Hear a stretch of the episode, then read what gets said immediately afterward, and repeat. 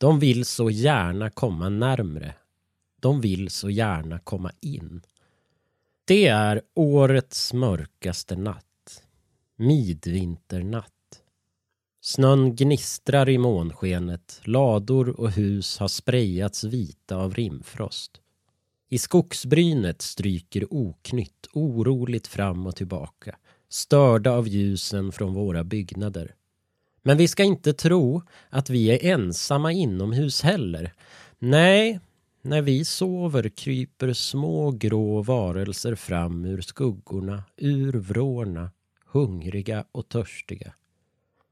De har väntat på att vi ska gå och lägga oss. Länge har de väntat. Deras magar är tomma. De smyger fram, helt ljudlöst. Förhoppningsvis nöjer de sig med resterna som vi har lämnat framme. Det här är en julspecial av skräckdöd och godis. Podden jag gjorde i oktober hade ju undertiteln 31 anledningar att älska halloween. Och den högtiden har vi ju lämnat bakom oss. Men julen innehåller också skräck, död och godis.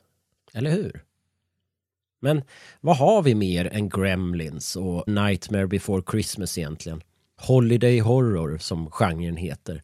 Jo, men det finns ju en del att sätta sina knäckkletiga tänder i även om Holiday Horror-filmernas titlar ofta är roligare än vad filmerna är läskiga, så att säga. You've made it through Halloween. Now try and survive Christmas. Silent night. Deadly night. Silent Night, Deadly Night kom ut 1984 och skapade otroliga rabalder trots sin låga budget. Distributionsbolaget TriStar Pictures hade värvat filmen och marknadsförde den genom tv-reklam som sändes dagtid, bland annat mitt i en fotbollsmatch. I trailern får vi se tomten hugga sig igenom en dörr med en yxa och hota folk med pistol. Det här ledde till att två citat “local mothers” i Milwaukee startade protestgruppen Citizens Against Movie Madness. När filmen hade premiär var gruppen på plats utanför biografen med skyltar där det bland annat stod “Santa is not a murderer”, “Shut this movie down all over town” och “Santa is sacred”.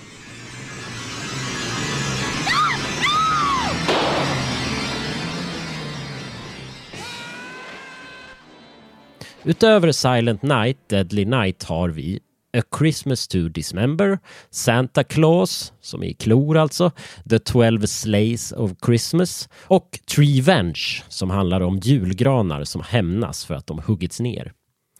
Det är nära porrfilmstitelstandard på de filmerna. Man kan ju hävda att skräck och porr ligger nära varandra. Båda spelar på mänskliga drifter, skräck på överlevnad och porr på lust. Men vi ska inte reducera skräckfiktion till något så enkelspårigt. Vi måste ha lite högre krav än att vi enbart ska bli skrämda eller förfärade. Jag föreslår att man väljer filmer som utspelar sig runt jul snarare än de som marknadsförs som Holiday Horror. En sån film som jag skulle vilja lyfta fram är The Lodge från 2019. Did you do that? We didn't do anything. We're leaving. What are you talking about? Look outside. We're stuck here. Den handlar om syskonen Aiden och Mia som ska tillbringa julen tillsammans med pappan Richard och hans nya partner Grace i en avlägsen stuga i Massachusetts. Aiden spelas av Jaden Martell som vi känner igen från nyinspelningen av It och Mia spelas av Lia McHugh som vi känner igen från Totem från 2017. Etablerade skräckfilmsungar med andra ord. När syskonens mamma får reda på att hennes ex Richard och hans nya tjej Grace planerar giftermål tar hon livet av sig.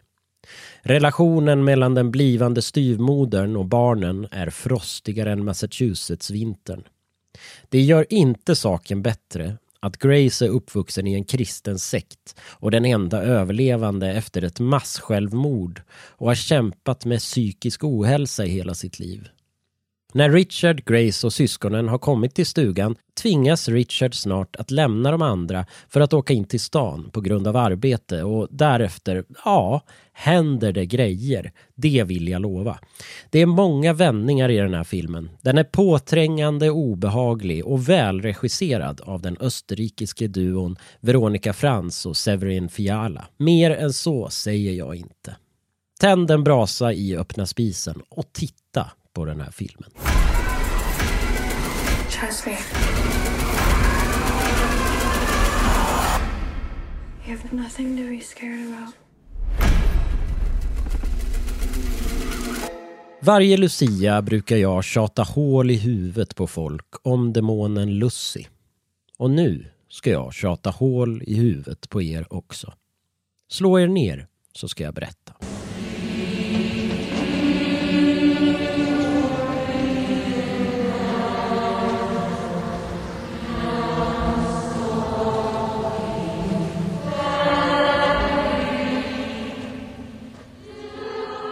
Enligt den julianska kalendern som användes i Sverige fram till 1753 var den 13 december den mörkaste dagen på hela året.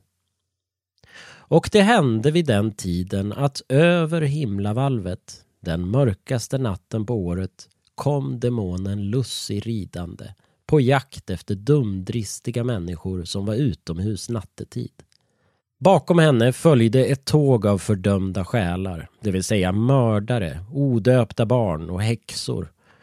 Ibland kom hon under namnen Lussegubben, Lussepär eller Lucifer.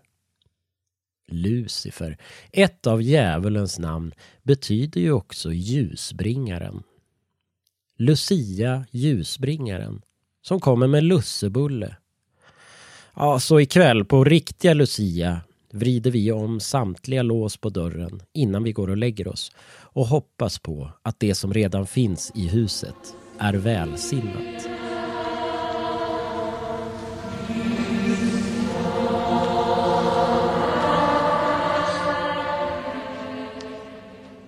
Oj, oj, oj. Vilket stök det kan vara runt jul. Det är mycket som ska göras innan vi samlas och firar vintersolståndet. Men det är viktigt att stanna upp då och då, sätta sig ner en stund och slappna av lite. Framförallt ska man inte boka in för mycket. Ni kanske inte måste upp tidigt på morgonen efter julafton för att gå till kyrkan. När det blir sådär stressigt kan mycket gå väldigt fel. Som för kvinnan som bodde i skånska Köksnäset. Hon jobbade som piga på en gård och hade haft en otroligt stressig och pressad jul. Bråkande barn, supande husbonde och en olycklig husmor. Allt detta fick pigan ta hand om. På julaftonskvällen var hon utmattad och hon stupade i säng. Hon vaknade på juldagsmorgonen med ett ryck och såg att väckarklockan hade stannat. Det var fortfarande mörkt ute så det kunde inte vara så sent på dagen. Men hon blev ändå livrädd. Hon var nämligen på väg att komma för sent till julottan. Så hon kastade sig ur sängen. Hon tog på sig sin kappa, sprang upp mot kyrkan som lyckligtvis inte låg långt från hennes stuga. När hon närmade sig såg hon att det var folk där inne. Ett blekt sken strålade ut genom kyrkfönstren. Hon skämdes förfärligt och när hon nådde byggnaden stannade hon och tvekade en sekund. Vad skulle de andra besökarna säga när hon klev in för sent med oborstat hår och nattlinne under kappan? Men att missa julottan på den tiden, det var oförlåtligt. Så hon bestämde sig för att skylla på sjukdom om hennes husbonde skulle bli vred. Hon öppnade dörren. Där inne var det dunkelt och fullt med människor. Men hon ville inte möta deras blickar så hon stirrade ner i golvet och sjönk ner på en ledig plats på bänkraden längst fram. Då kände hon att det var något som inte var som vanligt. Det var underligt tyst där inne och det luktade unket som av jord eller förmultnande löv Plötsligt kände hon en hand på sin axel. Hon vände sig om. Det var hennes farfar som satt där på bänkraden bakom henne. Hon kände väl igen honom från fotografiet som hängde över byrån hemma. Hon hade dock aldrig träffat honom tidigare. För han hade dött och begravts många år innan hon föddes. Hans hud var läderartad och grå med svarta fläckar. Hans kinder var insjunkna och hans läppar hade stramats åt runt tänderna. Hon såg in i den döde mannens kolsvarta ögon. Det var inte en människas ögon. De saknade liv. Hans blick var oändlig tomhet och mörker. Han öppnade munnen och sa Du hör inte hemma här. Du har hamnat i de dödas julotta. Ge dig iväg innan de andra känner lukten av levande kött och varmt blod. Annars kommer de att slita dig i stycken. Gå härifrån och vänd dig inte om. Pigan kände sin farfars kalla andedräkt slå mot henne.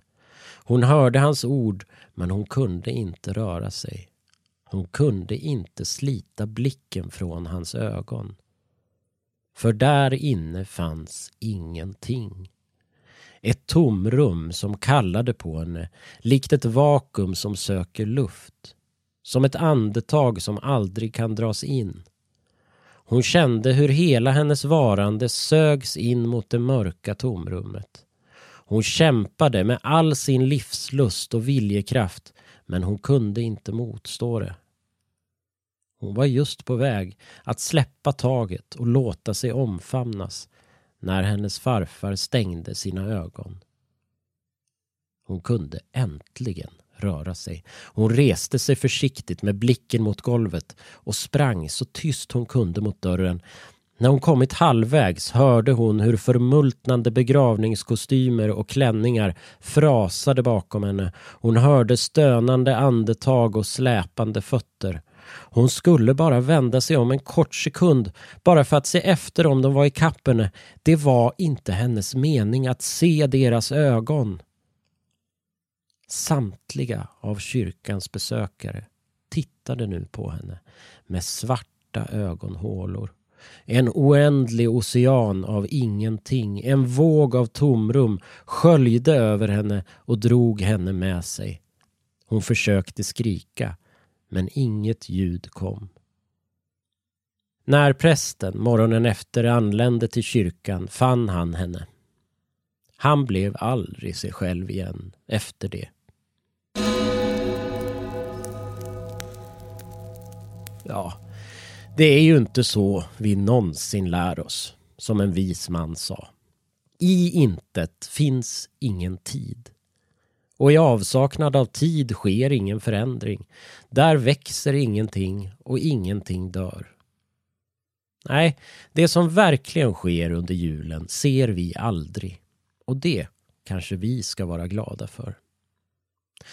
Men nu mina kära vänner har det fjärde ljuset nästan brunnit ner. Så det återstår bara för oss att säga Är ni med nu? Från oss alla till just dig. God jul.